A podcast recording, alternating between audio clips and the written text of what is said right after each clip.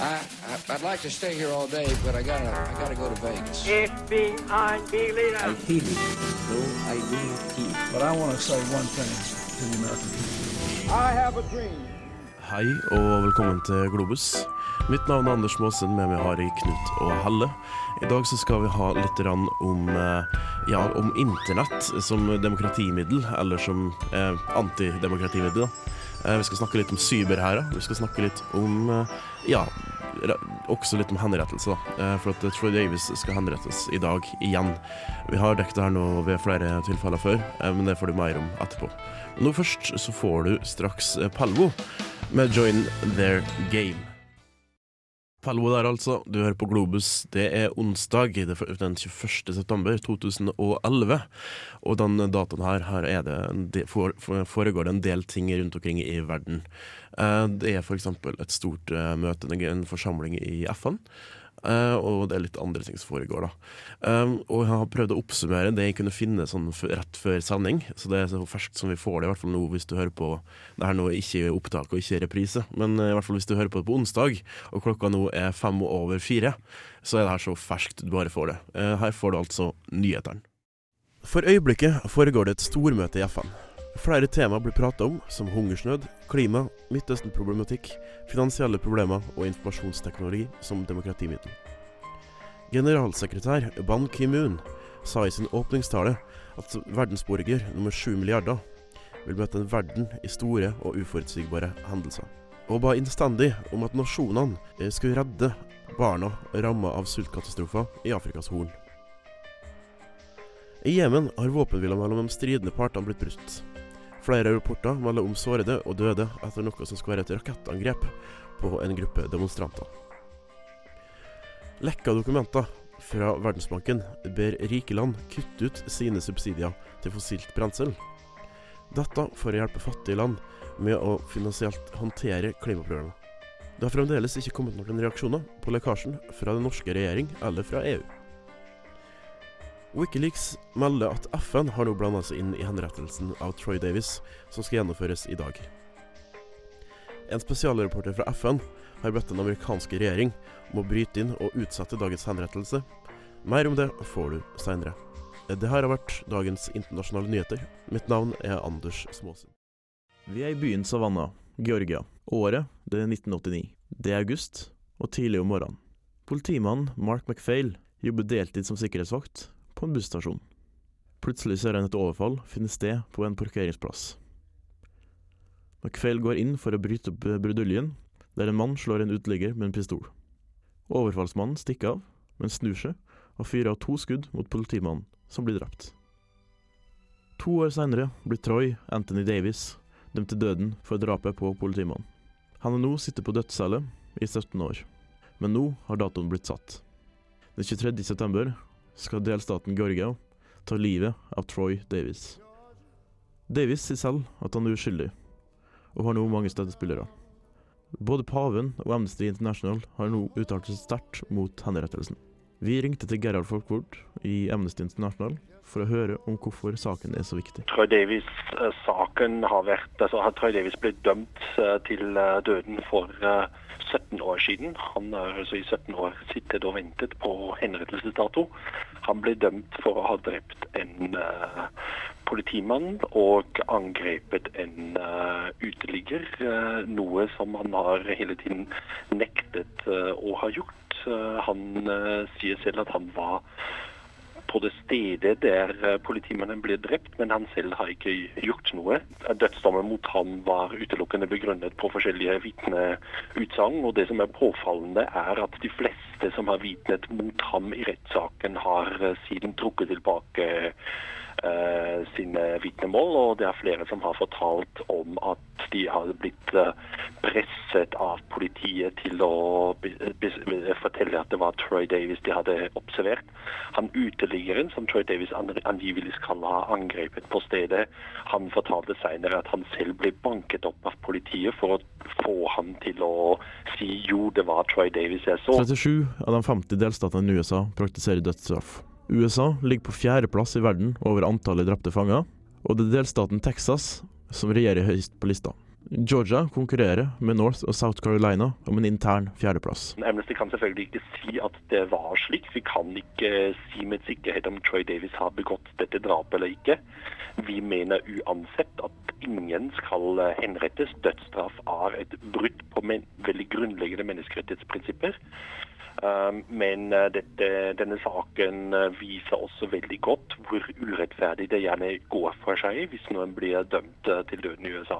Det som er påfallende, er at de som blir dømt til døden i USA, det er så godt som utelukkende ressurssvake personer. Personer som er fattige, som ikke har råd til å betale en ordentlig forsvarer.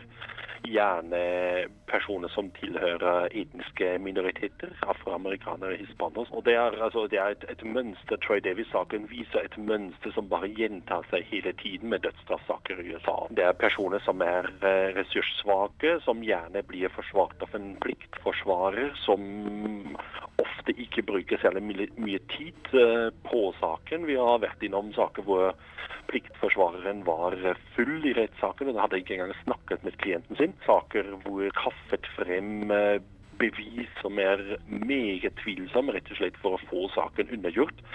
Samtidig som disse sakene gjerne er knyttet til uh, høyprofilerte kriminalsaker, hvor det står en del prestisje på spillet, både for eh, politiet og for eh, de politikerne som er innblandet. Men hva vil da Amnesty gjøre? I et land der man ikke akkurat har tradisjon for å høre etter når resten av verden klager. Debatten er økende også i USA, og kritikerne er, er det stadig flere av.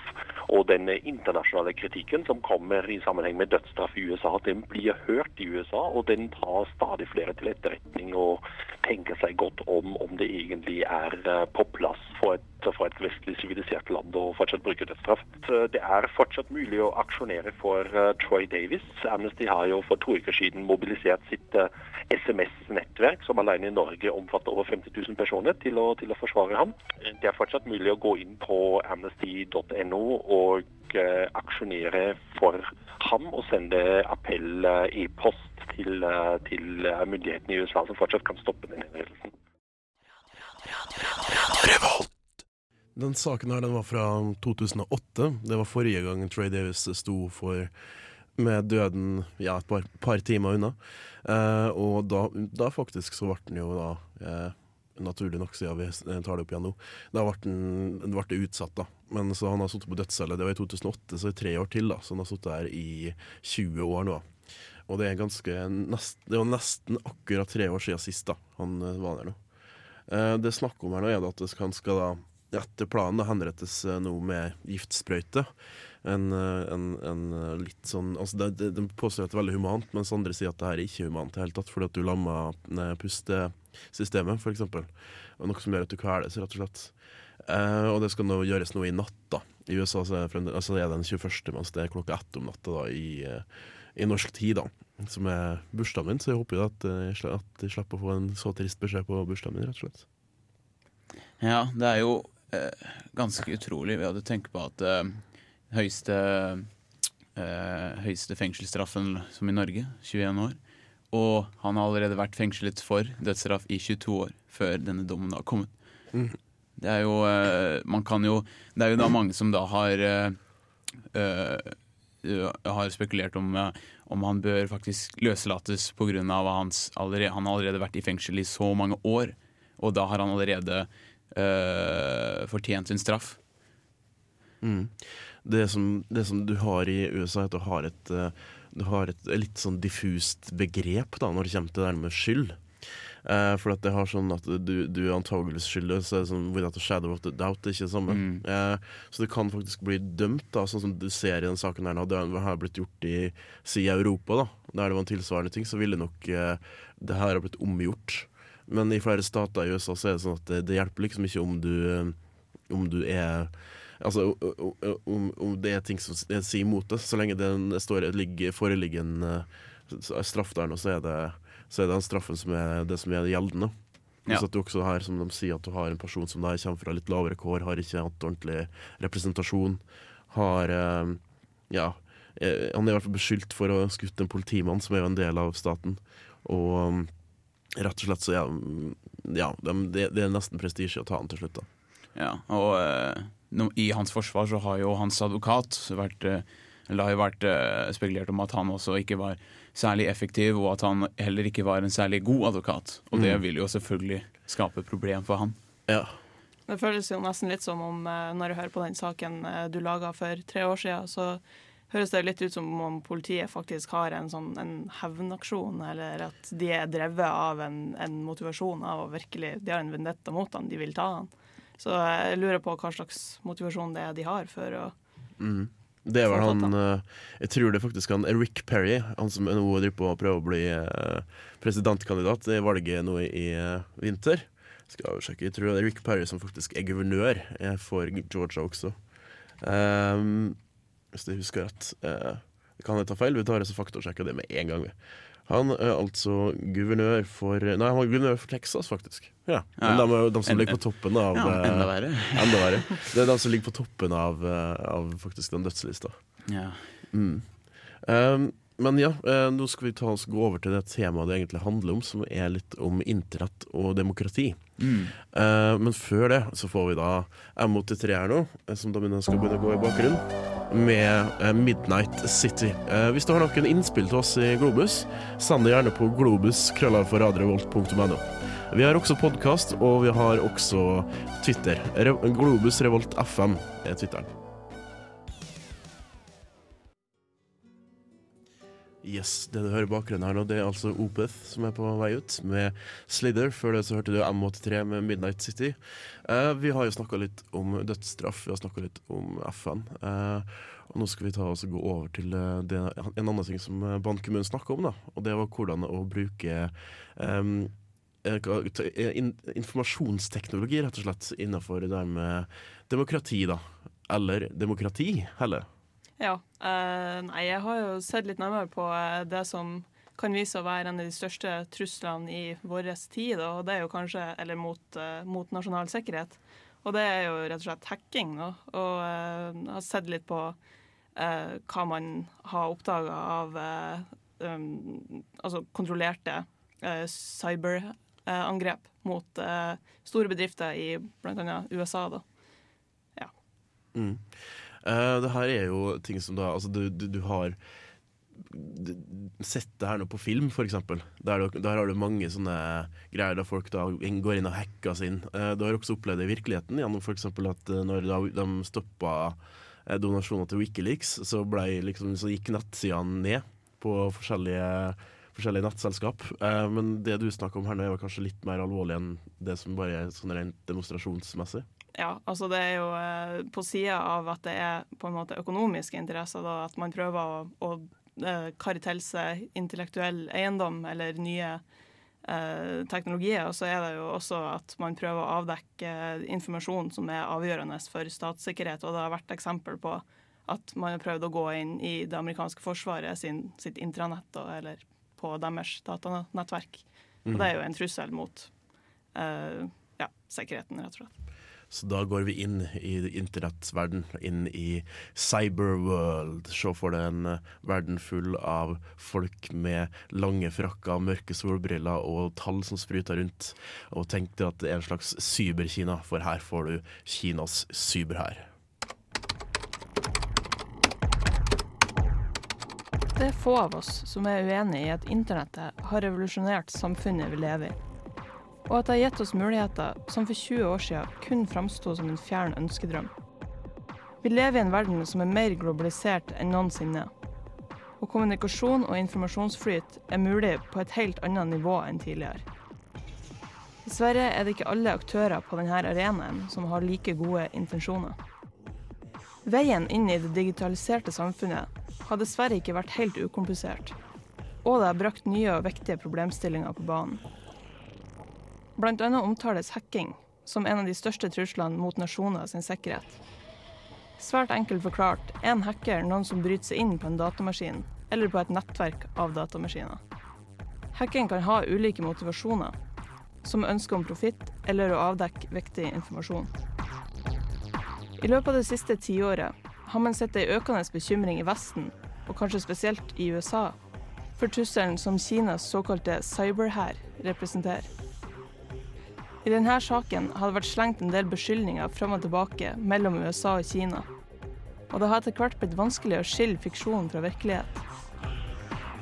I sentrum for disse hendelsene var den såkalte Operasjon Aurora, som var en serie hackeangrep som foregikk fra midten av 2009 til desember det samme året. De her angrepene var av typen APT, eller Advanced Persistent Threat. En benevnelse som brukes om ei gruppe med intensjon og mulighet for å målbevisst angripe en bestemt enhet. I dette tilfellet var målet for hackinga et flertall store selskap som Adobe Systems, Yahoo og Symantec. I etterkant av disse angrepene foretok cybersikkerhetsfirmaet McAfee Labs ei etterforskning, og konkluderte med at hackinga sitt mål var å få adgang til produktene sine kildekoder. Her var det altså snakk om tyveri av intellektuell eiendom, noe man har sett flere eksempler på i Kina i løpet av det siste året. Men et angrep kommer sjelden alene.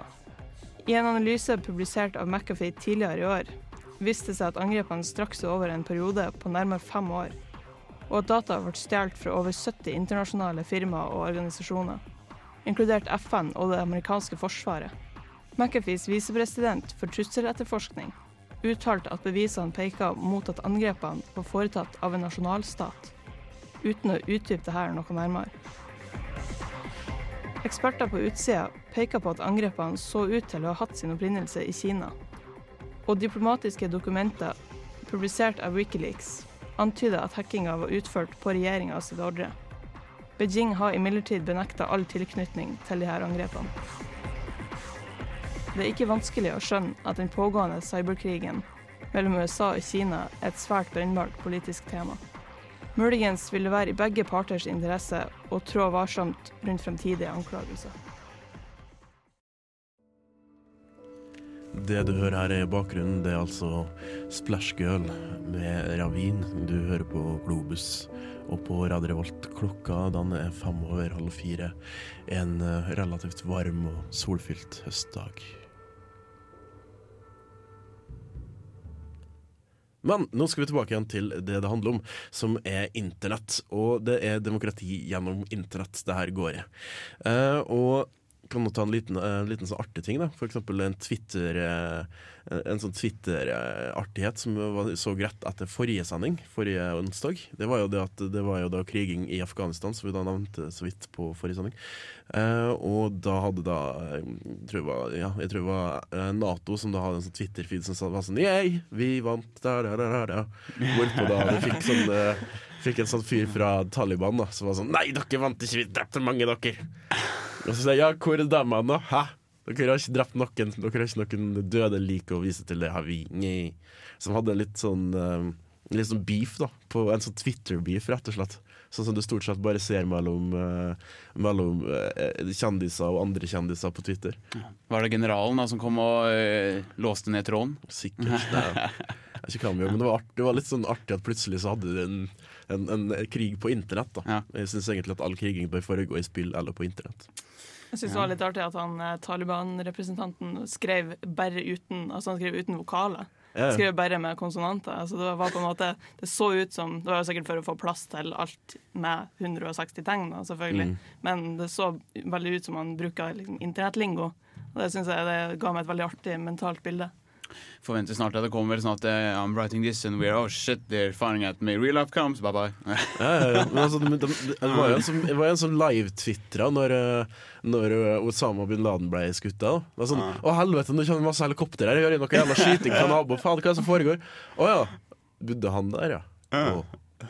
Men uh, det er jo ikke bare Twitter som blir brukt, det er jo masse annet også, Knut. Ja, Facebook, faktisk. Og uh, man kan jo si at eh, Egypt nå, Egypts nye ja, midlertidige militærregjering, Mhm. kom på plass takket være en Facebook. eh, Facebook-gruppe. En Facebook-gruppe. Vi som liker hunder, og vi som har lyst til å sitte i eh, styret i Egypt. Ja, ja, det egentlig så het den at We Are All uh, We Are All Kahil Mohammed Sahid. Som var en person som ble drept av det hemmelige politiet i Egypt. Mm. Og ha, han, et bilde av hans helt sånn ødelagt eh, kropp som var banka opp, uh, lekka ut på nettet. Mm. Og da var det faktisk eh, markedssjefen for Google i eh, Midtøsten og de arabiske landene som reagerte så sterkt på det som skjedde i Egypt, at han lagde en gruppe som da støtta eh, motstand mot eh, dette diktaturstyret. da.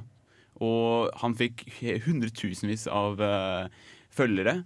Og til slutt så oppfordret han til å ha et, eh, en offentlig demonstrasjon i Kairo. Og han sa ok, dette skal skje 25. januar i, i år. Og ja, da kom det titusenvis av mennesker, og faktisk det starta da den her arabiske våren, som vi det kaller nå, med de store omveltningene og med eh, disse samfunnene som eh, endelig går imot det, og sier det de vil. Mm. Så det er da det er saken jeg har lagd om. Da får vi høre Internettrevolt her på Radio Revolt. Den 6. juni 2010 satt Khalid Mohammed Saeed på en internettkafé i byen Alexandria i landet Egypt. Han var en helt alminnelig voksen mann som hadde en stor interesse for datamaskiner og musikk. Han hadde i tillegg studert en tid dataprogrammering i USA. Hans far døde da han var en liten gutt, og han levde sammen med moren sin og en stor søskenflokk. Han surfet rundt på noen nettsider på denne cyberkafeen da to sivilkledde politimenn kom inn i bygningen og arresterte han. Flere øyevitner så Saeed bli svimeløst banket opp og kastet mot vegger. Så fryktelig av de to politimennene at han døde rett utenfor døra til internettkafeen. Saeed var ikke aktiv i politikk og viste ingen offentlig motstand mot diktaturet i Egypt. Likevel ble han et offer for politibrutalitet og drept av myndighetene. Diktaturstyret som hadde styrt landet siden 1970, ledet av Hosni Murabak, hadde lenge vært anklaget for hundrevis av dødsfall pga. tortur og politibrutalitet. Egypt var på svartelisten av stater med store brudd på menneskerettigheter. Saeed kunne så lett ha blitt glemt, men at hans lemlestede lik ble hemmelig fotografert i obduksjonsrommet av broren hans, så lekket ut på nettet, gjorde hans skikkelse ikonet på den voksende motstanden mot diktaturstyret og alle dens brudd på frihet og menneskerettigheter. Ingen kunne forutse hvilken stor virkning dette skulle få på landets fremtid. Bildet av Saids lik spredte seg fort til alle hjørner av sosiale medier på internett. Konsekvensene av dette skulle bli store. Kombinert med Egypts økende fattigdom, stigende arbeidsledighet og politisk undertrykkelse, var bildet nok en vekker til Vesten. En av de som så bildet, var markedssjefen for Google i Midtøsten og de arabiske landene, Whale Ghanim. Reaksjonen var unik. Han startet Facebook-gruppen We Are All Khalid Saeed, som ble et samlingspunkt for opplysninger om forholdene i Egypt. Gruppen fikk fort hundretusenvis av følgere og ble på null tid Egypts største protestside mot diktaturstyret. Mange byttet også profilbilde i støtte til gruppen. I løpet av januar 2011, med over 400 000 støttespillere, oppfordret Ghanim til offentlig protest mot diktaturstyret ved å marsjere i Kairos gater. Han satte datoen til den 25. januar. Dagen har siden blitt kalt for Vredens dag, eller starten på den arabiske våren. Titusenvis av mennesker marsjerte i gatene, holdt opp plakater av Saeed og skrek slagord som 'Ned med Murabak' og 'Vi er alle som Saeed'. Misnøyen med over 30 år med diktatur, fallende økonomi og økende vold fra myndighetenes side eksploderte til et nasjonalt opprør og streik. Dusinvis av storbyer i Egypt ble lammet, og folk demonstrerte dag og natt. De ønsket Murabak ned fra ledestolen. På under en måned skjedde dette. Han gikk av den 11. februar 2011. En milepæl i historien var nådd. En nasjonal demonstrasjon mot et diktatur ble spredt og til slutt utført ved hjelp av sosiale medier. En brutal sak om en mann som ble slått i hjel av politiet, ble ikke glemt, men spredt til hele verden gjennom et bilde og internett. Sammen med de underliggende misnøyene i landet gjorde en oppfordring og motstand fra en Facebook-gruppe at et helt lands styre helt til slutt måtte gå av. Egypt planlegger nå demokrati, og det takket være Facebook. Like Det var altså Thurs med Colors her på Radio Revolt. Eh, vi har jo snakka litt om internett og Facebook, og Facebook er jo en ting som de fleste har. Også tilsynelatende da både demonstranter og også de som da er myndigheter har jo Facebook. da.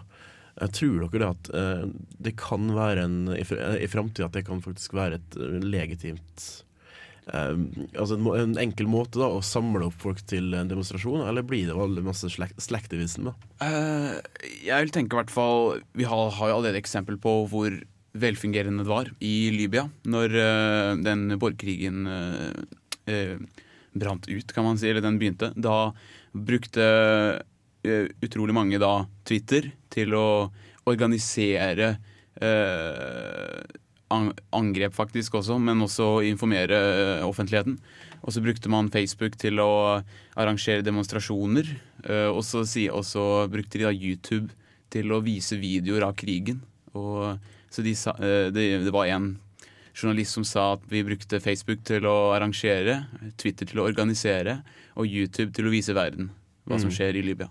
Så en samling rett og slett av forskjellige sosiale medier, Mm. kan du si, og litt gamle medier også, da, som da hjelper til. Ja. Um, en av tingene som vi satt og så på, da, eh, kan hende at det er fordi at de er en stor eh, utenriksnerd, men det var rett og slett eh, når det foregikk i Uh, altså i selve altså hovedstaden i Egypt, Mm. uh, så var det når det var gatedemonstrasjoner der du kunne sitte og se på en stream fra alle Ja. Det gjorde jeg også. Og der du da ser hvordan da den, den ene sida av Altså den som de påstår da har blitt betalt av Mubarak til å støtte han, da angriper fra ene sida, så ser du liksom hvordan den andre sida flytter seg som et sånn hav bakover. Og så begynner de å gå til motangrep, og så har du plutselig en slags sånn eh, Rett og slett en sånn liten styrke som sitter og kaster stein og litt sånne ting på hverandre og springer fram og tilbake i gatene der. og Uten at det egentlig går inn i det man antar skulle vært et sånt massestøt, så er det liksom sånn en og annen person som er litt for vågal, og så får han en stein i skallen, og så springer han tilbake og gjemmer seg bak en bil og sånne ting. Ja, Det er som politiske hooligans. Mm. Ja, ja det, er, eh, det er eh, det som skjedde også med disse journalistene som eh, var i Libya. Altså Nesten alle journalistene de var, altså, de var liberale og de var imot Gaddafi. Og det de gjorde da, var at de hadde streams av sine rapporter. Og en person som jeg husker, for jeg hørte stream faktisk av det, at han, eh, han var under et angrep i eh, Benghazi eller noe sånt. Og det var eh, en hel haug med sånn Gaddafis stridsvogner. Og han ble faktisk drept under sendinga hans, så han snakket om det, og at han var under angrep, og at han kanskje ville dø. Og at han sa at, jeg, at han elsker kjæresten til henne. Og så et minutt senere så hører du bare kuler overalt, og så hører du ikke noe mer, og så blir linja brutt, og så dagen etterpå så annonserer Al Jazeera at han ble drept. Ja. Og det hørte man da live. Det var ganske, Ganske, ganske heftig, da. Ja, det er utrolig. Det er jo det er et eller annet spesielt som skjer når man får det sånn opp i trynet, da, rett og slett. Um, det var jo sånn som eh, Vietnamkrigen var den første eh, krigen som ble televised. Og det, ble jo, du så jo hvordan det plutselig det har vært mye større opptøyer mot den enn det var mot f.eks. Koreakrigen. Ja. Bare en eh, ti år før. Mm. Um, men ja, jeg vet ikke hva mødrene deres fortalt dere, men Greenberg, Mama told me. Du hører på Globus her på Radio Revolt. Eh, det ble en litt eh, sånn eh, overraskende slutt på den sangen, beklager det. Vi driver på med ja, internasjonale nyheter. Og akkurat nå så sitter vi da, siden det er internettsending, så har jeg satt meg ned foran Twitteren. da der jeg prøver å følge rett og slett FNs toppmøte som da foregår akkurat nå. da. Ah. Så det her har vi altså satt akkurat nå. Så er det sånn at eh, president Obama han er jo da å adressere da The United Nations General Assembly, altså generalforsamlinga. Eh, der han da snakker litt om litt forskjellige ting. da. Um, og du har eh, altså sånn, ja eh, Han vil ha en fred, da, ikke bare en, en, en liten fred, men a, peace that will last, er vel det han snakker om. Han snakker mye om fred, da, han eh, godeste Obama, da. Ja, han har jo Nobelfredsprisen, så han vet vel hva han snakker om. Ja, han fikk jo den for å eh, avslutte en krig. Mm, ja. Eller Ja. i hvert fall eh, nedprioritere den. Mm. Mm.